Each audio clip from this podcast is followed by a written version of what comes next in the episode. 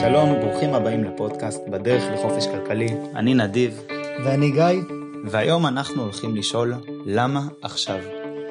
אז נדיב, בעצם אנחנו בפודקאסט הזה רוצים לדבר על נושא של השקעות, של כספים, של יזמות, בעיקר עם דגש על חבר'ה צעירים, אנחנו בעצמנו צעירים, אה, אז למה בעצם חשוב להשקיע מגיל צעיר? זה חשוב בכלל? לא, לא עדיף לי להתחיל להשקיע אחרי שיש לי עבודה מסודרת, אחרי שנהניתי מהחיים בתור צעיר, שכבר יש לי ילדים, שיש לי יותר כסף פנוי, וזה תנאי לזה?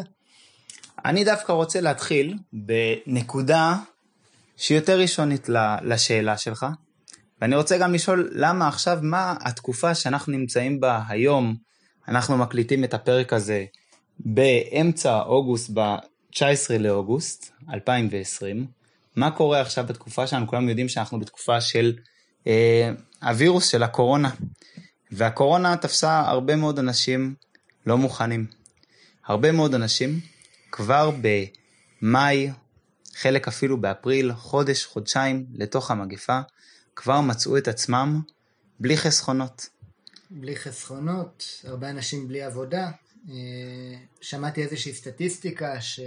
שלבן אדם הממוצע אין, אין כסף ליותר מחודש אה, ב... בעובר ושב. נכון. אה, בכללי אפשר להגיד שבתרבות המערבית, לא רק בישראל, דווקא ישראל נחשבת עוד טובה יחסית למדינות אחרות כמו ארצות הברית, התרבות פה היא לא תרבות של חסכנות, היא תרבות של ליהנות מהמשכורת, לחיות ממנה, ופחות או יותר אל המשכורת הבאה. בניגוד לארצות הברית שבה התרבות היא מאוד של overdraft ולצרוך יותר ממה שמקבלים, בישראל אנחנו עדיין לא ברמה של אה, דוד סם, אבל בהחלט יש לנו תרבות של מה שנקרא מהיד לפה. והבעיה שכשאתה חי מהיד לפה, ברגע שאין לך משהו ביד מיידית, אם פתאום יש חודש שאין משכורת, אתה פתאום מוצא את עצמך בלי יכולת לאכול, בלי יכולת לשלם את השכר דירה. ו... עם זאת, נדיב, אני חושב שאנחנו חיים במדינה שלא קל לחסוך בה. תשמע, משכורות פה הן לא המשכורות של ארה"ב. יוקר המחיה הוא מאוד גבוה. אה, זה, זה לא פשוט לחסוך בארץ. אין ספק, אני מסכים לגמרי שהמשכורות בישראל הן, אה, הן באמת באופן אובייקטיבי למחירים של המחיה פה, הן מאוד מאוד אה, נמוכות, ויש קושי גדול בחיסכון, ולמרות זאת, אין ברירה. למרות זאת, אה, אם, אם רוצים להיות מוכנים לתרחישים, כמו התרחיש שקורה עכשיו בשלב של הקורונה, בגלל מגפת הקורונה, אה, צריך להיות קצת יותר מודע לפיננסים, למצב האישי שלך, מבחינת הכספים שלך. אז אתה חושב נדיב ש, שכל בן אדם צריך שיהיה לו איזשהו חיסכון? כל בן אדם צריך לשים כסף בצד? מה, פעם בשנה, מכל משכורת? כמה אני צריך לחסוך בכלל? זו שאלה טובה. קודם כל, יש uh, ספר של uh, רוברט קיוסקי, שאני יודע שאנחנו הולכים לדבר עליו בטח הרבה מאוד לאורך הפודקאסט הזה, אולי אפילו נקדיש איזשהו פרק לדבר על, על הספר הזה לעצמו ועל הדמות הזאת, רוברט קיוסקי, והשינויים שהוא עשה בעשור האחרון, ויש לו תזות מאוד מאוד מעניינות, ואנחנו נדבר עליהן בהמשך כנראה. אבל אחד מהעקרונות שהוא מדבר עליהם בספר זה pay yourself first, תשלם לעצמך ראשון. והעיקרון הזה אומר דבר מאוד מאוד פשוט, כשאתה מקבל uh, משכורת, כסף ממקום מסוים, לפני שאתה משלם את השכר דירה, ואת החשבונות, וכל מה שצריך לשלם, ואת האוכל ואת החוגים, אתה מפריש חלק מהסכום הזה לקופת חיסכון. pay yourself first. מבחינתו של קיוסקי, עצם הפעולה הזאתי תוודא כי שתמיד יהיה לך את, את החיסכון שלך, מכיוון שבאופן טבעי, זאת ההנחה של קיוסקי, אתה תמצא דרך להכיל את עצמך. אתה תמצא משהו ללבוש, גם אם יש פחות כסף בעובר ושב, את הדברים הבסיסיים אתה תעשה, אבל אם תשאיר את החיסכון, את ההשקעה לסוף, כבר בשלב הזה לא יישאר לך כלום. אז גיא, כמה אתה חושב שנכון לבן אדם לחסוך? אני חושב שלפני שאנחנו מדברים באמת על הסכומים או מספרים או אחוזים, ויש כמה, כמה גישות בנושא הזה, חשוב אה, לחדד ולהדגיש באמת את, ה, את הלמה, כמו בכל דבר. למה בעצם לחסוך? אז אתה דיברת על זה שאנחנו נמצאים בתקופה של משבר הקורונה, שאנשים אה, צריכים כסף כי פתאום מקום, מקור ההכנסה נפגע. שזה דבר שהוא, שהוא נכון, אבל הייתי אומר שלא חייבים משבר בשביל, ה, בשביל החיסכון. החיסכון בעצם, מה שהוא יכול לתת לנו, החיסכון ובהמשך ההשקעה שהולכים יד ביד, הם יכולים איפשהו לעזור לנו. אה, נכון שזה דבר שהוא, שהוא בסיסי, אבל הרבה מאיתנו אולי לא, לא מספיק מודעים אליו ביום יום. בעצם כשאנחנו חוסכים באופן קבוע ומשקיעים את הכסף הזה, אה, ובמיוחד אם משקיעים אותו בתבונה, אז כולנו מכירים את המשפט שהכסף יכול לעבוד בשבילנו, ובסוף בעצם לתת לנו את האיכות חיים שלנו ו, ואת החופש לעשות את הדברים שאנחנו רוצים, לאו דווקא כשיש משבר, אלא גם בזמנים של שגרה. או אם אנחנו רוצים בהמשך לגדל ילדים, או, או לעסוק באיזשהו תחום שמעניין אותנו. אז uh, המטרה של, ה, של החיסכון באמת היא לעזור לנו להגיע לאותו חופש כלכלי, שהוא חלק מחופש כללי, uh, שבשבילו אנחנו מוכנים להקריב קצת היום בשביל להרוויח הרבה מחר. בעצם אני חושב שאנחנו מדברים פה על שני סוגים של חסכונות. אני חושב שאני דיברתי על חיסכון שהוא יותר חיסכון ליום uh, גזירה.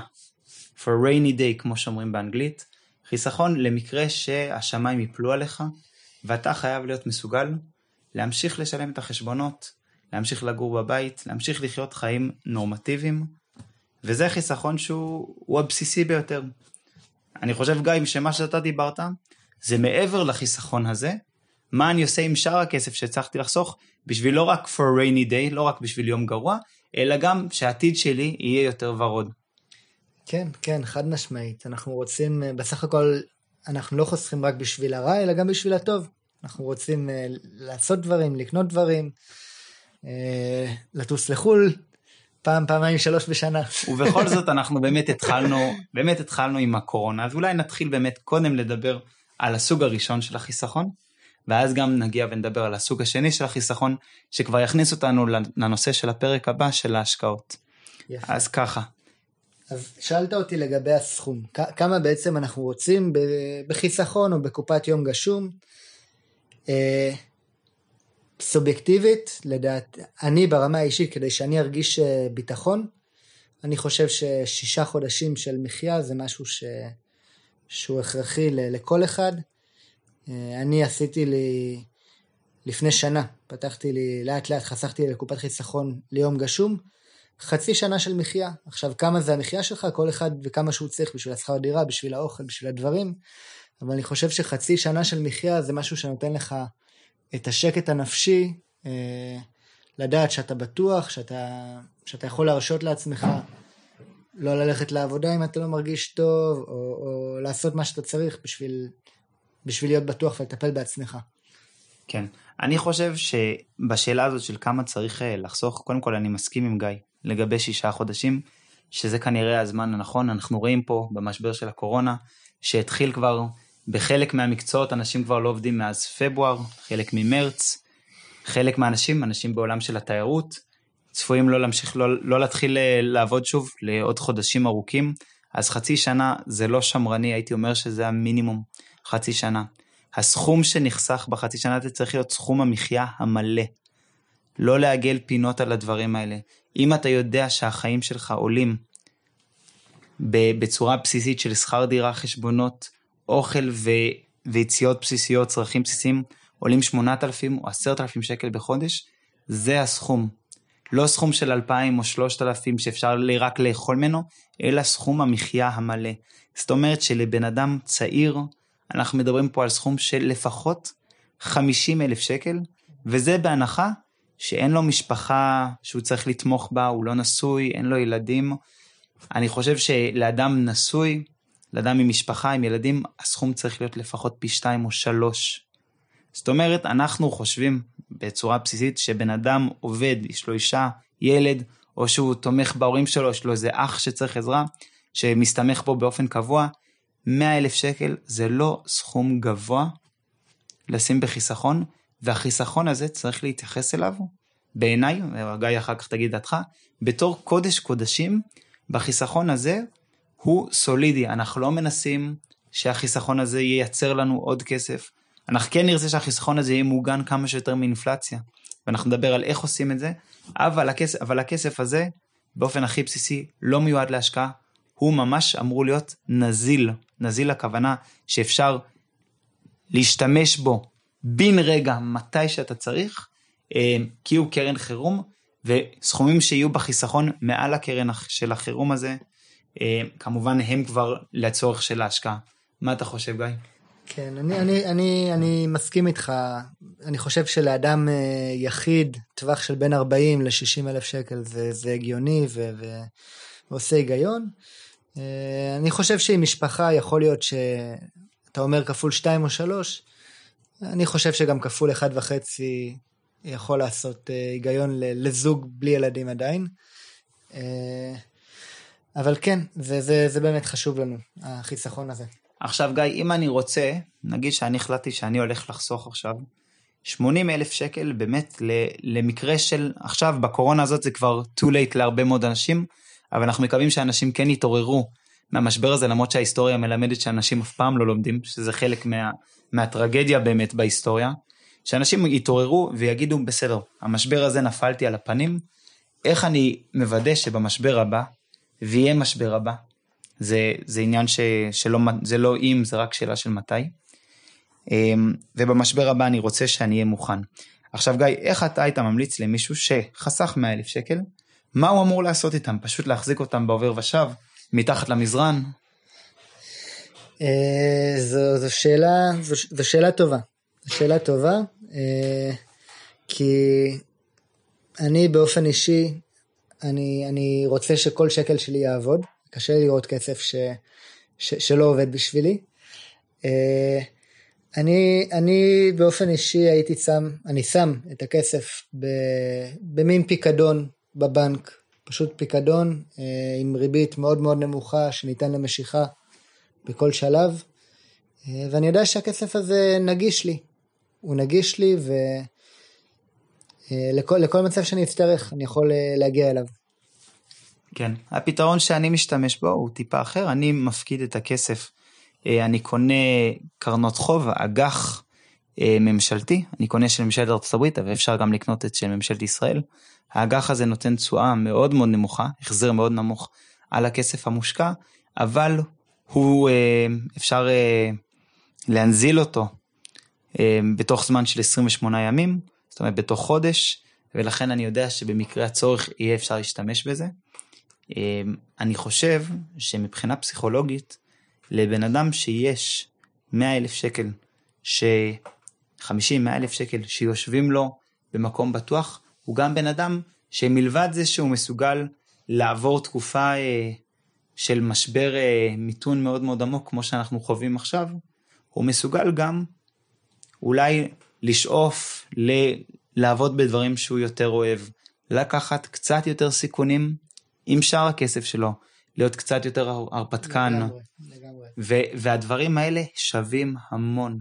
כי בן אדם, כי אנחנו נדבר בהמשך על השקעות וכל מיני סוגים של השקעות, ויש השקעות שיכולות להניב לך הרבה מאוד רווח, ולפעמים יש בהן הרבה מאוד סיכון, ואדם שיש לו, בטח אדם צעיר במיוחד, שיש לו גם הרבה זמן לצידו, ואנחנו נדבר על אפקט הזמן גם כן, אה, או בפרק הזה או בפרק הבא, אדם שיש לו את, ה, את הזמן הזה לצידו ויש לו את החיסכון, יכול לעשות, אה, יכול להצליח בעולם ההשקעות בצורה שבן אדם אה, שאין לו את זה, פשוט, פשוט מוגבל. כן, במקום לשחק פחות או יותר בטוח על כל הכסף, בעצם מה שאנחנו רוצים זה לשחק מאוד בטוח על סכום קטן, ו... וזה מאפשר לנו את החופש לקחת אה, סיכונים מחושבים ובאמת אה, להרוויח ב... בהשקעות האחרות. בעצם לתופעה הזאת בעצם קוראים גידור. אנחנו עוד נדבר עליה בפרקים בהמשך, יש כל מיני סוגרים אה, של גידורים שעושים גידור בא מלשון גדר, שבו אתה שם איזשהו מחסום מסוים, אוקיי? בשביל למנוע הפסד גדול יותר.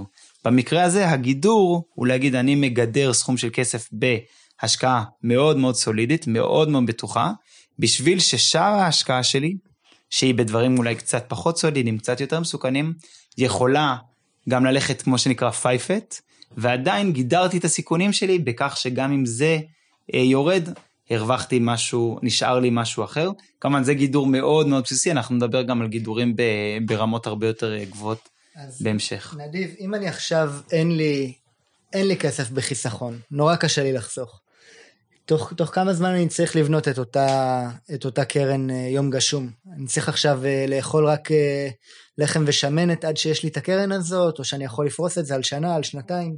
אני אגיד לך, בעיניי, ואולי אני קצת קיצוני, כשאנחנו מדברים על חיסכון, אני חושב שחיסכון הוא קריטי, והקרן חיסכון צריכה להיבנות כמה שיותר מוקדם, גם אם זה אומר שבטווח הקצר אתה עושה ויתורים מאוד מאוד כואבים, זה שווה את זה. זאת אומרת, אחרי שאתה מגיע לסכום שאתה צריך להגיע אליו ברמת הביטחון הכלכלי, אז אפשר אולי קצת להוריד את, ה, את הרגל מדוושת הגז. אבל באופן עקרוני, בן אדם שאין לו שקל של חיסכון, ובוא נגיד שהוא עובד ומרוויח 5, 6, 7 אלף שקל במלצרות או בכל עבודה כלשהי, משהו שהוא מאוד בסיסי, אני בעיניי, אם הוא צעיר, מתוך זה 60, 70, 80 אחוז, כמה שהוא יכול, אם הוא יכול של 100 אחוז, כמה שיותר צריך ללכת לכיוון החיסכון, עד שהוא מגיע לשלב שיש לו את הביטחון הזה, ומשם הוא יוכל לעוף קדימה, וכמה שיותר מהר הוא גם יוכל להגיע לתוצאות יותר טובות. מה אתה חושב? אה, זה, זה נשמע, נשמע לא פשוט, נשמע קשה. אה, אני מסכים עם העיקרון, אני חושב שאתה צודק בעיקרון, אה, אבל כל אחד לפי יכולתו, גם אם זה אומר 30 אחוז עד שבונים את אותה קרן, העיקר זה להגיע באמת ליעד ולא להישרר ו... ולסגור את הפינה הזאת, ולדעת שיש לנו את הכסף הזה בצד, גם אם זה לוקח חצי שנה, אפילו אם זה לא, זה לא אמור לקחת שנה, אבל גם אם זה לוקח שנה לבנות את זה, העיקר, אה, העיקר באמת אה, להגיע לשם. עכשיו, משהו מאוד מאוד מאוד חשוב בעיניי להדגיש אותו. עד שאין את כספי הקרן האלה של החיסכון, אין מה להשקיע בכלל. בכלל, גם בדברים שהם מאוד מאוד נראים אולי סולידיים, אולי בטוחים. באמת, אם אין את הקרן הזאת, היא, היא הבסיס של הבסיס של הבסיס, ובעיניי אי אפשר להתקדם בלעדיה אה, מטר, היא השלב הראשוני ביותר. עכשיו, אם, אה, אם אה, באמת סגרתי לי את אותה קרן ובניתי את אותו חיסכון, יש לי מה לחסוך עוד, יש לי צורך לחסוך עוד, כמה? או, פה מתחיל השלב הכיף, השלב המעניין שאנחנו הולכים באמת לעסוק בו המון במהלך הפודקאסט הזה. מה אנחנו עושים עם הכסף שהצלחנו לחסוך מעבר ל-rainy day fund, לקרן, ליום גשום, מה אנחנו עושים עם הכסף הזה? והתשובה הפשוטה היא, אנחנו משקיעים אותו. אנחנו לוקחים את הכסף הזה ושמים אותו בתוך מיזמים שונים, שאנחנו נדבר על כל מיני סוגים של מיזמים, בשביל שהכסף הזה יצמח ויגדל לאורך זמן. והזמן הוא גורם מאוד מאוד משמעותי פה, בזכות משהו שקוראים לו אפקט הריבית דריבית. בוא גיא, אתה רוצה להסביר קצת על אה, מה זה ריבית דריבית ואיך היא עובדת? כן, אני, אני בטוח שחלק מהמאזינים שלנו שמעו, אולי מכירים אפילו יותר, אבל ככה בשביל, בשביל אישור הקו, בעצם הרעיון זה, אם אנחנו משקיעים כסף כדי להרוויח, ובעצם פירות ההשקעה שלנו, כלומר אם השקענו 100 שקל ואחרי שנה הרווחנו 3, 4, 5 שקלים על אותם 100 שקל, אז בעצם אותו כסף שהרווחנו, אנחנו מצרפים אותו להשקעה הראשונית, ואז בפעם הבאה שנקבל את הפירות מההשקעה שלנו, נקבל אותם על הסכום הראשוני שאותו השקענו, שהוא נקרא קרן, ובנוסף על הריבית שאותה הרווחנו בשנה הראשונה.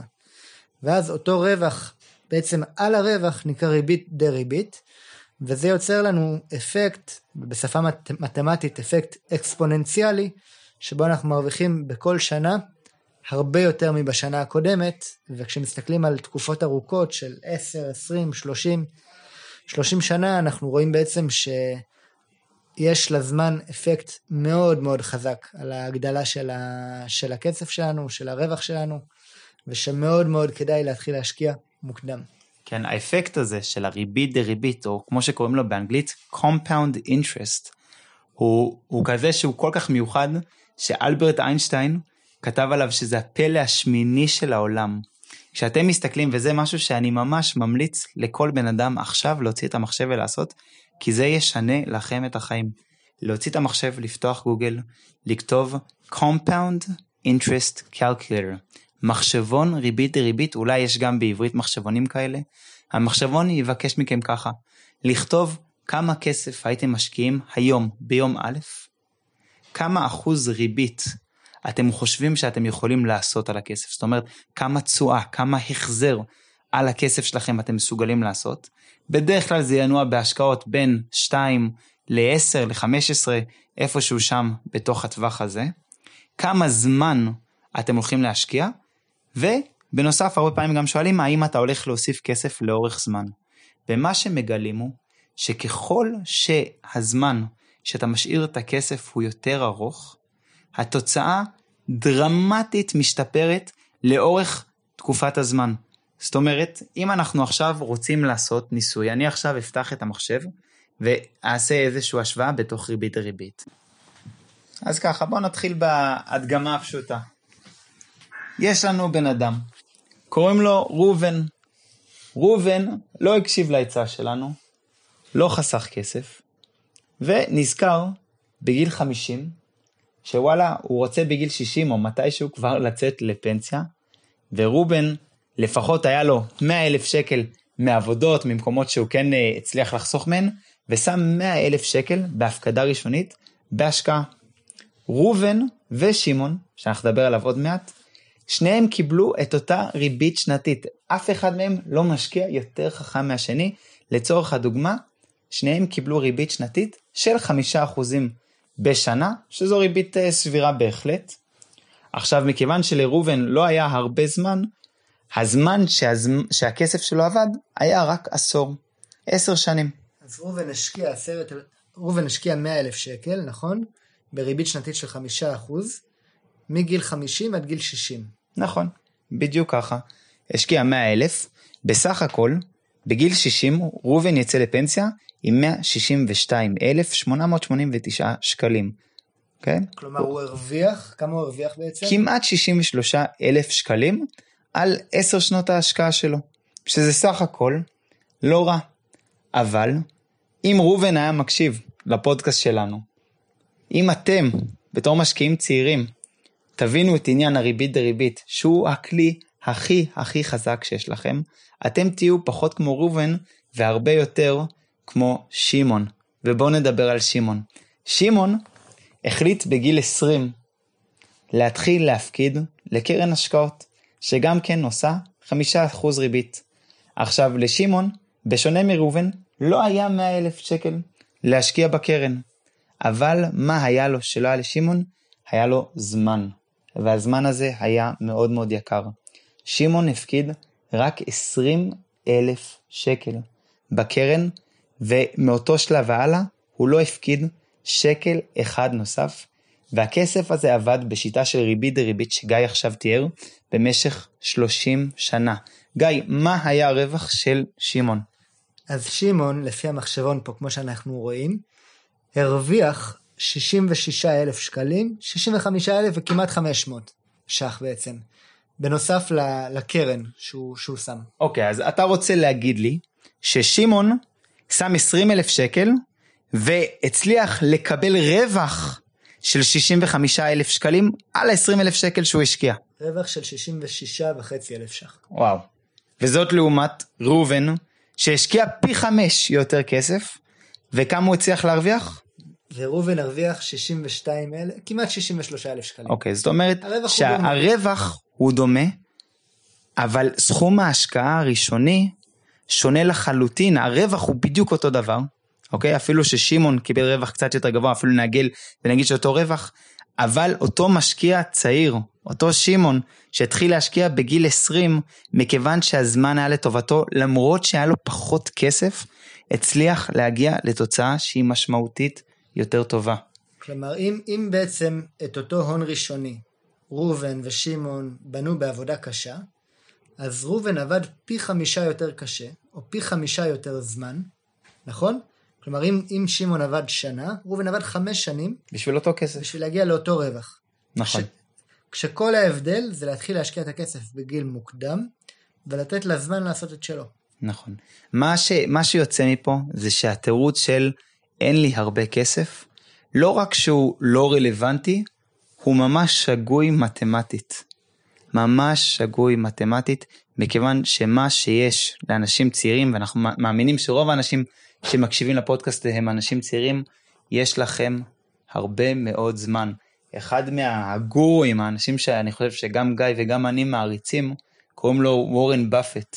וורן באפט היה בתקופה מסוימת האיש הכי עשיר בעולם, הוא עדיין לדעתי נמצא איפשהו בעשרת האנשים, בעשירייה הראשונה של האנשים הכי עשירים בעולם, הוא המשקיע הכי מוצלח בכל הזמנים, ווורן באפט התחיל את ההשקעות שלו בגיל 11. עכשיו לוורן באפט אבא שלו עבד בתחום והוא הכיר אותו אנחנו לא זכינו להתחיל גם כן בגיל 11 אבל תראו מה זה הבן אדם מגיע לסכום של לדעתי יש לו כ-87 מיליארד דולר הון עצמי וזה אחרי שהוא תרם עשרות מיליארדים לצדקה. והוא כששואלים אותו איך זה שהוא הצליח כל כך הרבה אחד מהדברים שהוא זוקף זה התחלה המוקדמת שלו וההבנה של אפקט הריבית דריבית. אני באמת באמת מציע שכל בן אדם ייקח 10-20 דקות, חצי שעה, רק לשחק עם המחשבון של ריבית דריבית. יכתוב לעצמו, סכום הפקדה ראשוני, כמה כסף יש לי עכשיו?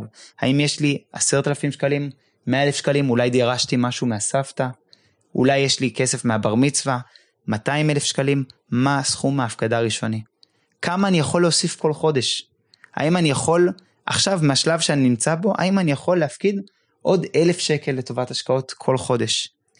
אז בוא, אם, אם אני ככה חושב על מה שדיברנו עכשיו, ואני מבין שבעצם כדאי לי להתחיל להשקיע בגיל מאוד מאוד צעיר. אז מה כדאי לי בעצם בתור בן אדם צעיר? כדאי לי לעבוד ו- וישר להשקיע את הכסף? או להשקיע את הזמן שלי אולי ב- בלימודים? ב- ב- איך כדאי לי להתנהל? אבל זאת שאלה שהיא מאוד מאוד אינדיבידואלית בעיניי. מה, מה אתה חושב? תראה, זו שאלה, זו, זו דילמה. כי אנחנו, אנחנו כן רוצים ליהנות מהחיים כשאנחנו צעירים, ואנחנו לא רוצים עכשיו לחסוך כל שקל. אה, עם כל הכוח של הריבית דריבית, אנחנו רוצים ליהנות מהכסף שלנו גם עכשיו. ויש גם את שאלת ההשקעה, שההשקעה היא לא רק כספית, ההשקעה היא גם בחינוך, בלמידה, בהשכלה, שיכולים לתרום לנו בטווח הארוך. אמ, אז צריך איפשהו למצוא את האיזון, אה, ושווה להכיר את הכוח של הריבית דריבית ולהשקיע ולחסוך. אני חושב גם שהעיקרון של ריבית דריבית הוא לא רק תקף על כסף ועל מספרים, הוא גם תקף על ידע. אני חושב שאדם שמחליט להשקיע זמן בלפתח את עצמו, בסופו של דבר, פעם הבאה שהוא ילמד משהו אחר, בדיוק כמו אפקט הריבית דריבית, הוא יוכל לקשר את זה למה שהוא למד מקודם, וללמוד מזה משהו חדש, לייצר תשואה חדשה של ידע, והוא יוכל לעשות את המנגנון הזה שוב ושוב ושוב, ולכן אנחנו לגמרי ממליצים להשקיע הרבה מאוד אה, בידע שלכם. דווקא היום, בעידן שאנחנו חיים בו, זה עידן מאוד מיוחד, שפעם ידע היה עולה הרבה מאוד כסף, והיה לא נגיש בעליל, והיום הידע בזכות האינטרנט הוא מאוד מאוד נגיש. במהלך הפודקאסטים אנחנו הולכים לדבר על הרבה מאוד ספרים, וגורואים, משקיעים uh, שלמדנו מהם, uh, ספרים, סרטים, הרצאות, uh, שיטות שונות. יש כל כך הרבה ידע שנמצא שם חינם, שבעיניי באיזשהו מקום אנחנו כבר לא חיים בעולם שממש ההתלבטות הזאת היא כל כך רלוונטית. אדם יכול להחליט להקדיש את הזמן שלו ואת הכסף שלו להשקעות, ובאותו זמן להמשיך ללמוד, בלי שהדברים יסתרו יותר מדי. יפה. טוב, אז נדיב, אני חושב שהיה לנו פרק uh, מעניין. Uh... לגמרי, לגמרי, ובאמת uh, כדאי מאוד ל- ללמוד את, ה- את הכלי הזה של הריבית, ריבית. מי שלא הבין את, ה- את המושגים קצת תשואה, ריבית, אנחנו עוד uh, קצת נשתפשף עם הדברים האלה בהמשך, אבל העיקרון הוא פשוט, תחשבו על כדור שלג, יש ספר שנכתב על, על וורן באפט, שוב, על אותו משקיע אגדי, קוראים לו The Snowball Effect. אפקט כדור השלג, ובעצם הספר בדיוק עוסק באוטוביוגרפיה, סליחה, בביוגרפיה של וורן באפט, ואיך הוא הצליח לגלגל כדור שלג שרק נהיה יותר גדול ויותר גדול, ואני אפילו אגלה לכם איזשהו סוד באיזשהו שלב, כמו שכדור שלג מתגלגל לבד, גם עולם ההשקעות לומד להתגלגל לבד יותר ויותר, מה שאנחנו נקרא לו בהמשך הכנסה יותר ויותר פסיבית, שזה יהיה, תהיה המטרה שלנו באמת לאורך זמן, שהזמן שאנחנו משקיעים בלמידה, בעשייה, בפעולה, בהתעסקות בהשקעות, הוא ירד עם הזמן, ויהיה לנו יותר זמן פנוי, אני אמרתי הרבה את המילה זמן, אבל זה בסדר, יהיה לנו יותר זמן פנוי באמת לדברים שאנחנו אוהבים, לתחביבים שלנו, לאנשים שאנחנו אוהבים להיות איתם, כי בסופו של דבר אנחנו בדרך ל... לחופש כלכלי. יפה. ובואו תצטרפו אלינו. אז בפרק הבא, על מה אנחנו הולכים אה, לדבר בקצרה נדיב? ככה. אמ, פרק הבא אנחנו הולכים לדבר על אינפלציה. למה אנחנו מדברים על אינפלציה? האם אינפלציה זה דבר רלוונטי לחיים שלנו, לא רלוונטי? אני רק אגיד שבעיניי אינפלציה, במיוחד בנקודת זמן שאנחנו עומדים בה היום, אה, יכולה להיות אחד הדברים שיותר ישפיעו על המשך החיים שלנו אה, במישור הכלכלי, האזרחי, ואנחנו נדבר על זה בהרחבה בפרק הבא. יפה. יאללה, להתראות. ניפגש בפרק הבא.